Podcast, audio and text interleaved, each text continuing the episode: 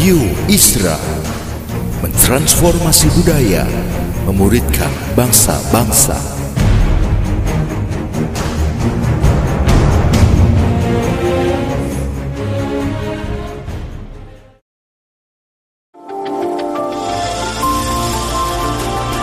Voice of Pradaim menyuarakan paradigma kebenaran firman Tuhan yang esensi untuk memperlengkapi Anda menggenapi misi dan panggilan ilahi. Selamat mendengarkan.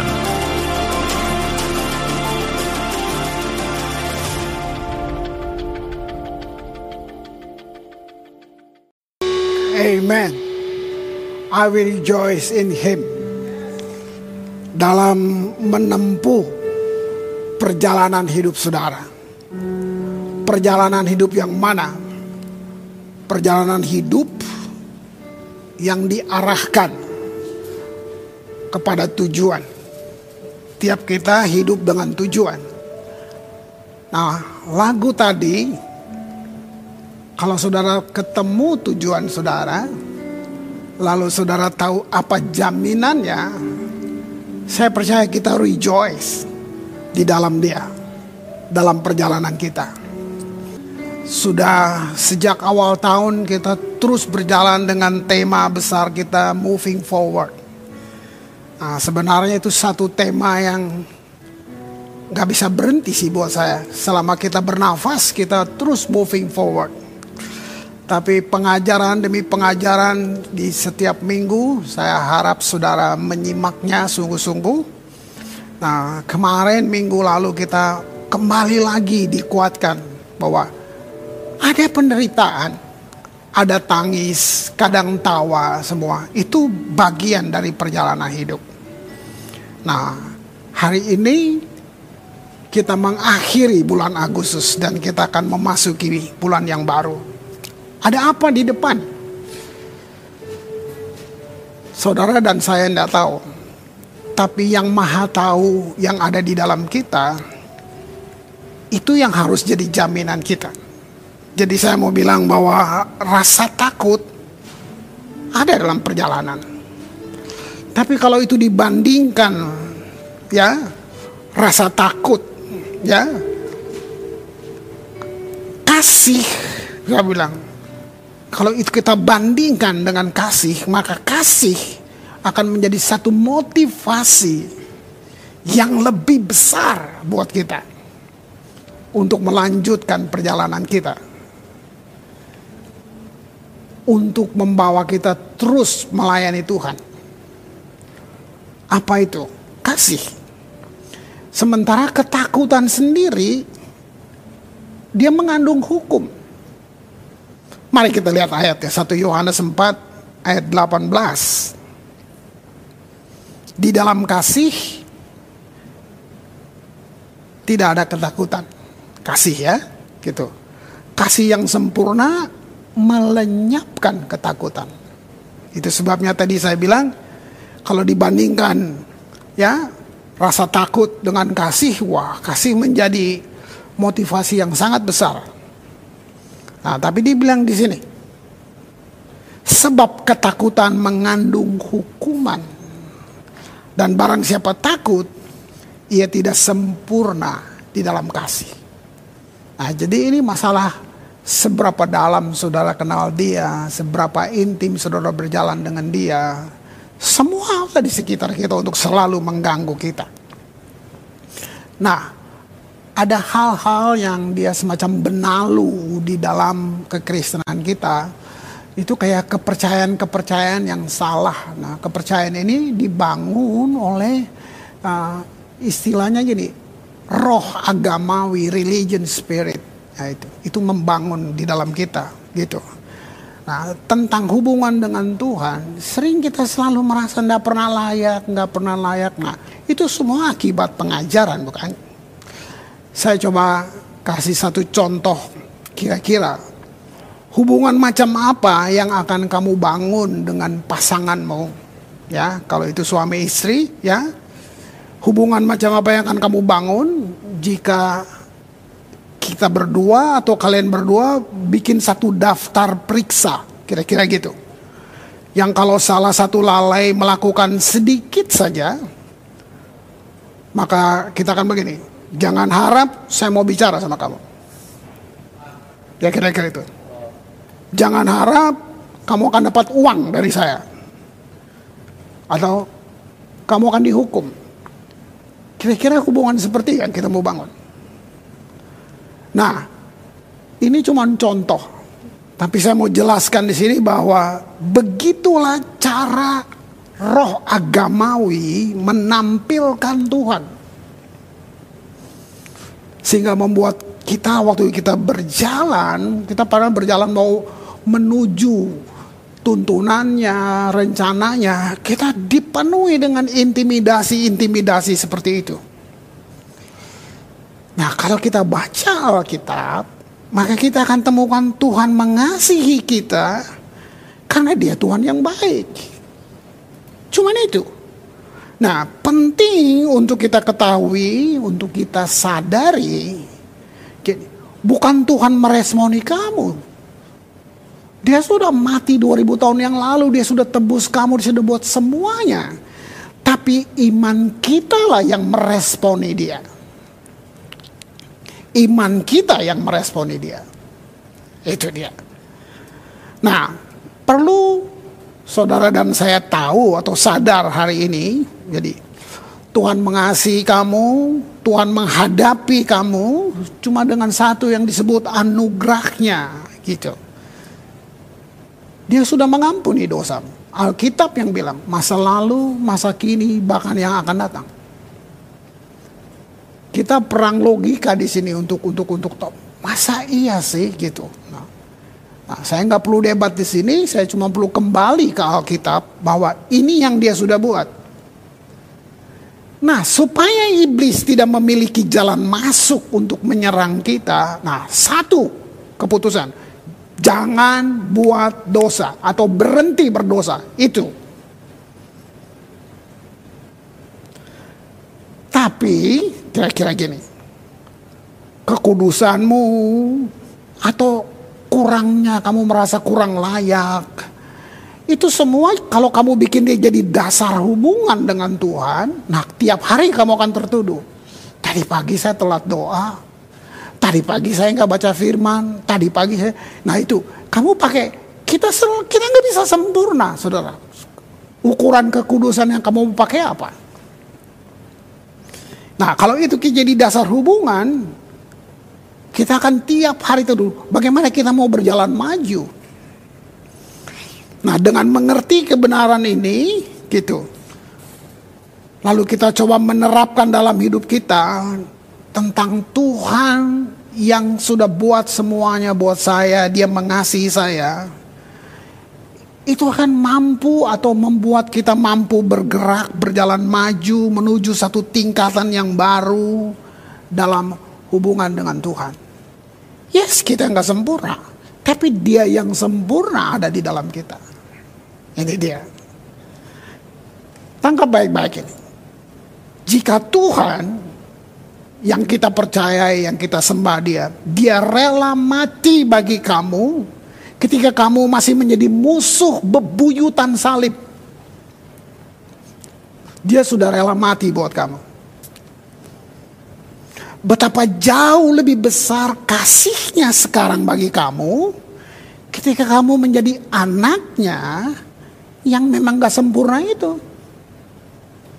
Lihat, coba taruh aja ini jadi landasan berpikir kamu untuk kamu bisa berjalan. Waktu kita masih jadi musuh, lagi kita nggak suka dia, lagi kita menolak dia, dia sudah rela mati buat kita. Nah, begitu kita percaya dan menerima dia, kita diadopsi menjadi anaknya. Anak yang nggak sempurna. Kita masih marah-marah, kita masih buat salah. Bayangin. Jadi kita mau mau bilang mau mau tertuduh, gitu. Di sini saudara waktu saya mengerti. Akhirnya ketika saya sedang mempelajari firman Tuhan. Motif saya mempelajarinya bukan supaya buat Tuhan mengasihi saya. Tetapi karena saya apa ya Saya ingin membaca surat cintanya dia, yaitu firmannya, untuk saya bisa tahu lebih banyak betapa dia sangat mengasihi saya. Itu dasar saya baca firman.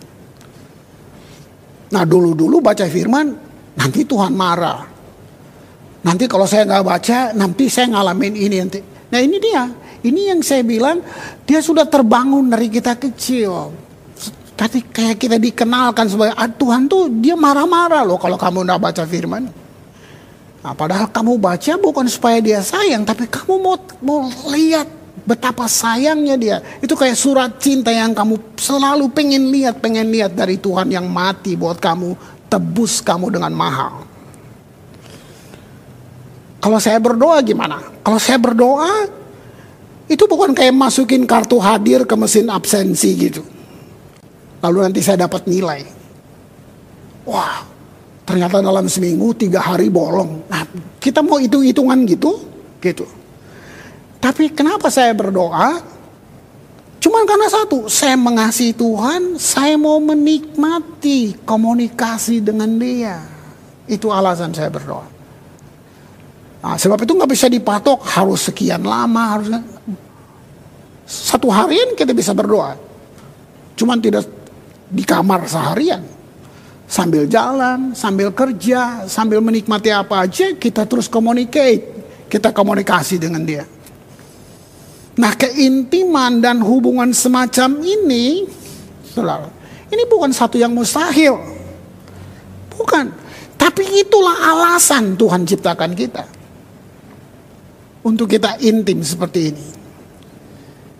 Nah, saya perlu garis bawahi lagi ya. Ini ini tujuannya ini semua mau coba runtuhkan semua benalu-benalu yang ada. Kalau saudara berjalannya terus tertati-tati. Kita moving forward, moving forward, tapi kita kayak menyeret-nyeret kaki berat banget sih.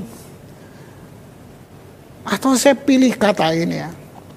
Karena ketemu banyak orang, ngobrol sama banyak orang, saya menyimpulkan seperti ini banyak orang merasa tersiksa ikut Tuhan. Karena berat banget ya Pak, kira-kira gitu. Nah, itu sebenarnya apa? Itu hasil dari pengajaran yang kita dapat dari kecil. Saya mau bilang, iman bukan positive thinking. Bukan. Positive thinking bersumber dari kekuatan manusia. Dan ini nyata. Kamu bisa sukses dengan positive thinking.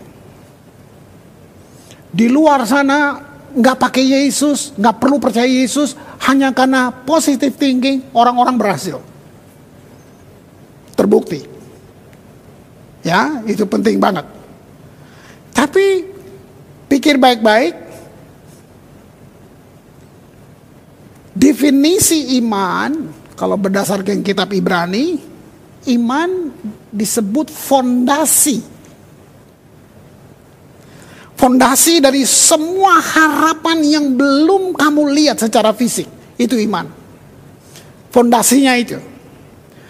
Nah itu sebabnya bagi orang Kristen dasar iman kita bukan sekedar positive thinking. Tapi Christ thinking. Pikiran Kristus Nah pikiran Kristus yang di Alkitab sering kontra logik. Nggak masuk akal kita. Firman membawa kita untuk selaras dengan cara berpikir dia. Itu penting.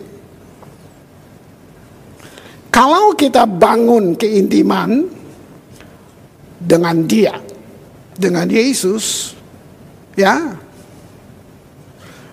kamu akan mengerti karena waktu kamu bangun keintiman, dia akan buka. Ini loh pemikiran saya. Ini loh jalan yang saya mau kamu pilih. Luar biasa enggak? Tapi kalau kamu enggak bangun hubungan dengan dia, maka kamu benar-benar kamu telah terpedaya oleh yang saya bilang roh agamawi itu. Kenapa? Karena kita fokuskan iman kita pada upaya-upaya kita sendiri. Bukan pada dia. Lalu kita berpikir bahwa Tuhanlah yang meresponi kita. Wah, dia sudah buat semuanya sebelum kamu lahir. Nah, di sini kamu perlu mengerti tentang anugerah Tuhan bahwa iman hanyalah bagaimana kamu menerima kebaikan kebaikan Tuhan. Nah, pikir ini baik-baik. Ini banyak berlawanan dengan apa yang kamu yakinin. Saya bilang dari kecil kita sudah dibangun dengan banyak pengajaran. Nah, saya nggak mau berdebat, tapi saya cuma mau bilang apa yang barusan saya sampaikan ini hal yang benar. Gitu. Coba pikirin. Perlu untuk kamu mengerti bahwa kamu jadi orang Kristen bukan karena kamu lahir di negara Kristen. Kamu jadi orang Kristen bukan karena kamu lahir dalam keluarga Kristen. Nah itu yang saya bilang. Karena opa oma saya Kristen, papa mama saya Kristen, lalu saya Kristen. Itu agama. Pikirkan satu kalimat ini. Duduk di garasi tidak akan mengubah kamu jadi mobil. Ya, begitu juga dengan datang ke gereja, gak akan buat kamu jadi orang Kristen. Cuman satu yang buat kamu jadi Kristen, dilahirkan kembali.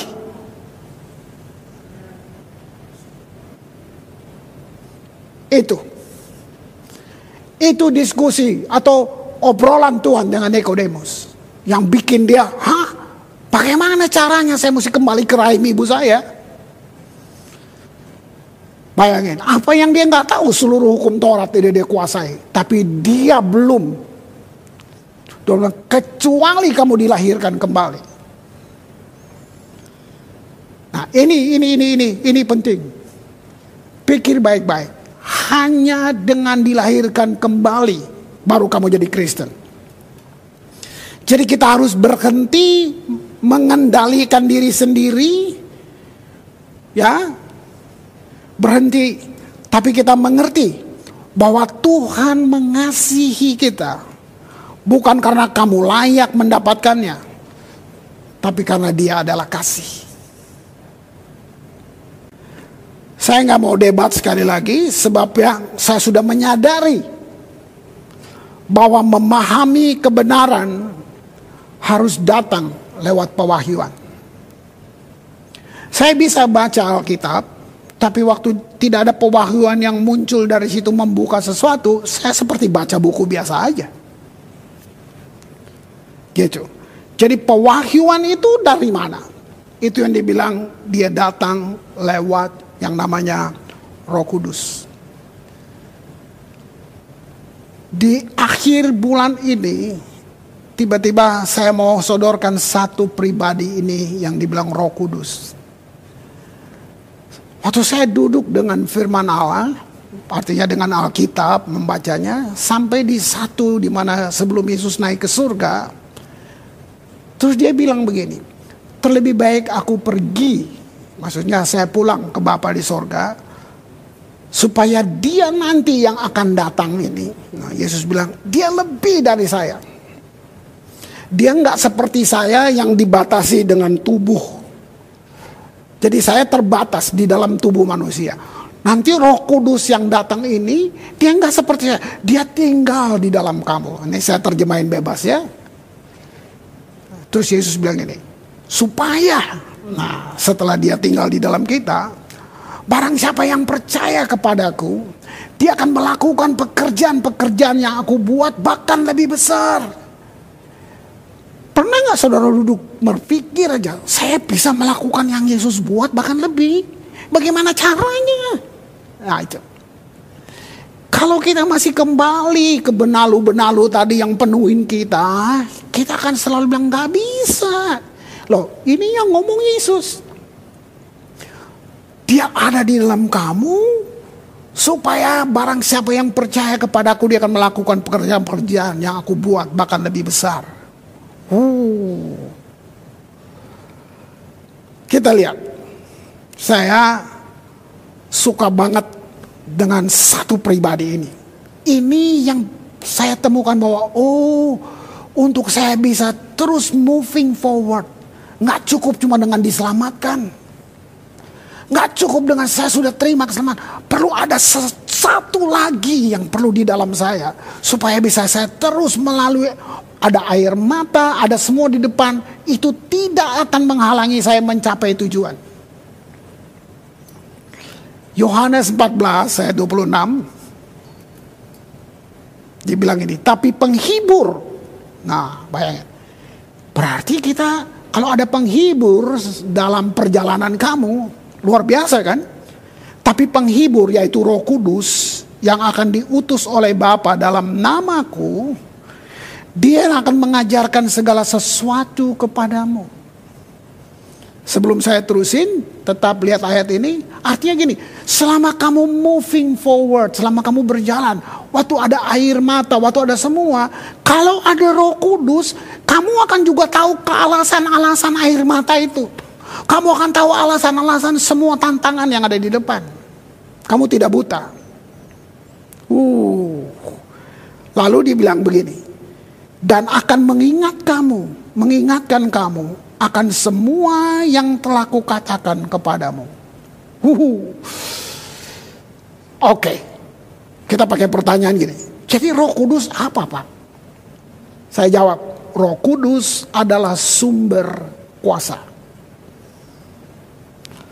Ketika kamu menolak dia,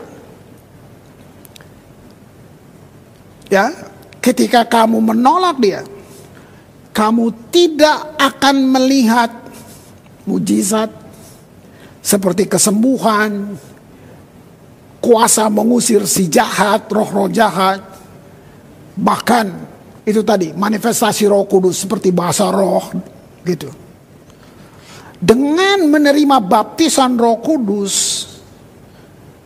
kamu akan membuka dirimu kepada satu kuasa supernatural Allah yang dia bekerja dengan cara-cara yang ajaib di dalam kamu.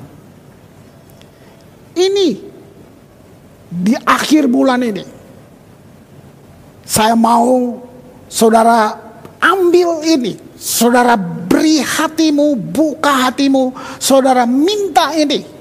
Nggak cukup keselamatan. Karena selamat tuh gini, hari ini saudara percaya Yesus, saudara selamat.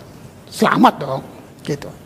Tapi kan kita masih hidup besok, minggu depan, tahun depan, berapa puluh tahun kita. Kita butuh satu kuasa yang adik kodrat yang menyertai kita bukan hanya selamat di hari pertama tadi itu. Wow. Jadi dengan menerima betian roh kudus, kamu membuka dirimu untuk satu kuasa supranatural. Di mana Allah bekerja dengan cara yang ajaib. Baptisan Roh Kudus adalah pengalaman terpisah dari keselamatan. Saya ulang lagi. Kalau saudara tidak mengalami baptisan Roh Kudus, asal kamu sudah terima Yesus, kamu selamat. Tapi masalah hidup ini bahwa masih ada hari esok, minggu depan, bulan depan, tahun berganti. Nah, dalam berjalan ini, kita pakai kata moving forward tadi, kita perlu kuasa ini. Itu dia. Jadi dia berbeda. Nah, satu-satunya jika kamu dapat kehilangan ini adalah kamu punya sejenis prasangka agamawi terhadap Roh Kudus. Oh, itu milik golongan ini, itu milik golongan. Nah, itu dia sudah. Saya cukup Yesus. itu dia. Nah, saya bacakan. Ya, keselamatan itu menyelamatkan. Tapi baptisan Roh Kudus itu memberi kuasa. Makanya saya bilang ini pengalaman terpisah dari keselamatan. Kisah Rasul 8 ayat 14. Ketika rasul-rasul di Yerusalem mendengar bahwa tanah Samaria telah menerima firman Allah, mereka mengutus Petrus dan Yohanes ke situ. Setibanya di situ, kedua rasul itu berdoa supaya orang-orang Samaria itu beroleh Roh Kudus. Lihat, sudah selamat loh, ya. Mereka berdoa supaya beroleh Roh Kudus. Ayat 16. Sebab Roh Kudus belum turun di atas seorang pun di antara mereka karena mereka hanya dibaptis dalam nama Tuhan Yesus. Pertanyaan gini, udah selamat belum? Udah. Gitu. 17 Kemudian keduanya menumpangkan tangan di atas mereka lalu mereka menerima Roh Kudus. Makanya saya bilang ini pengalaman terpisah, ya. Satu lagi, Kisah Rasul 19 ayat 2. Ya. Saya baca. Katanya kepada mereka, "Sudahkah kamu menerima Roh Kudus?" koma pelan-pelan kalau ini nggak penting, untuk apa ditanya? Bagaimana rasul-rasul datang dengan dengan dengan ini? Berarti rasul-rasul tahu bahwa mari selamat sudah. Kita perlu dilengkapi lagi. Karena moving forward, karena hidup masih ada di depan, kamu masih berjalan, masih terus berjalan. Lihat itu. Sudahkah kamu menerima Roh Kudus? Ketika kamu menjadi percaya, akan tetapi mereka menjawab dia, belum. Bahkan kami belum pernah mendengar bahwa ada roh kudus. Lalu kata Paulus kepada mereka, kalau begitu dengan baptisan manakah kamu dibaptis? Jawab mereka dengan baptisan Yohanes. Kata Paulus, baptisan Yohanes adalah baptisan orang yang telah bertobat. Bagus kan? Dan ia berkata kepada orang banyak, bahwa mereka harus percaya kepada Dia yang datang kemudian daripadanya, yaitu Yesus. Ayat 5, ketika mereka mendengar hal itu, mereka memberi diri mereka dibaptis dalam nama Tuhan Yesus. Ayat 6, dan ketika Paulus menumpangkan tangan di atas mereka, wah lihat, turunlah roh kudus ke atas mereka dan mulailah mereka berkata-kata dalam bahasa roh dan bernubuat. Wih, wih, wih, wih, wih. Saudara, sekian bulan kita belajar banyak, banyak, banyak, banyak, banyak. Sekarang saudara dapat satu kata baru. Waktu kamu moving forward, waktu kamu sedang lihat semua di depan yang menakutkan, yang meragukan kamu, ada satu di sini. Begitu ada Roh Kudus, kamu bisa menyatakan perkataan kehidupan dalam perjalanan kamu. Kamu bisa bernubuat untuk apa yang ada di depan kamu. Wow. Saya mau tanya saudara, apakah kamu ingin ada di mana kuasa Allah sedang bergerak? Ini akhir bulan. Covid belum pindah. Kita masih masuki hari-hari besok. Saya mau tantang saudara. Apakah kamu ingin ada di mana kuasa Allah sedang bergerak? Apakah, apakah kamu lapar mengalami kegairahan dalam kehidupan? Apakah kamu rindu untuk bergabung dengan pihak pemenang? Roh Kudus yang bikin kita bisa bilang, daripada semuanya, aku lebih daripada ya pemenang. Saya mau kamu dengar nyanyian ini, tapi saya mau katakan alasan mengapa kamu depresi. Kenapa kamu bisa tenggelam dalam depresi? Jawabannya ini, karena kamu tidak melihat kepada Yesus dan percaya pada kuasa Roh Kudus. Tapi kamu mulai melihat pada angin, pada gelombang di sekitar kamu, pada badai yang datang. Itu yang bikin kamu tenggelam dalam depresi. Ketika kita merasa tidak enak, mari kita jangan berhenti percaya bahwa Tuhan mengasihi kita karena kita tidak merasakan kasihnya. Selagi kamu dalam dosa, kamu nggak rasa apa-apa, tapi Tuhan sudah mengasihi kamu. Nah, ini yang saya maksud. Jangan berhenti, apalagi sekarang kamu sudah percaya Dia. Radio Isra mentransformasi budaya memuridkan bangsa-bangsa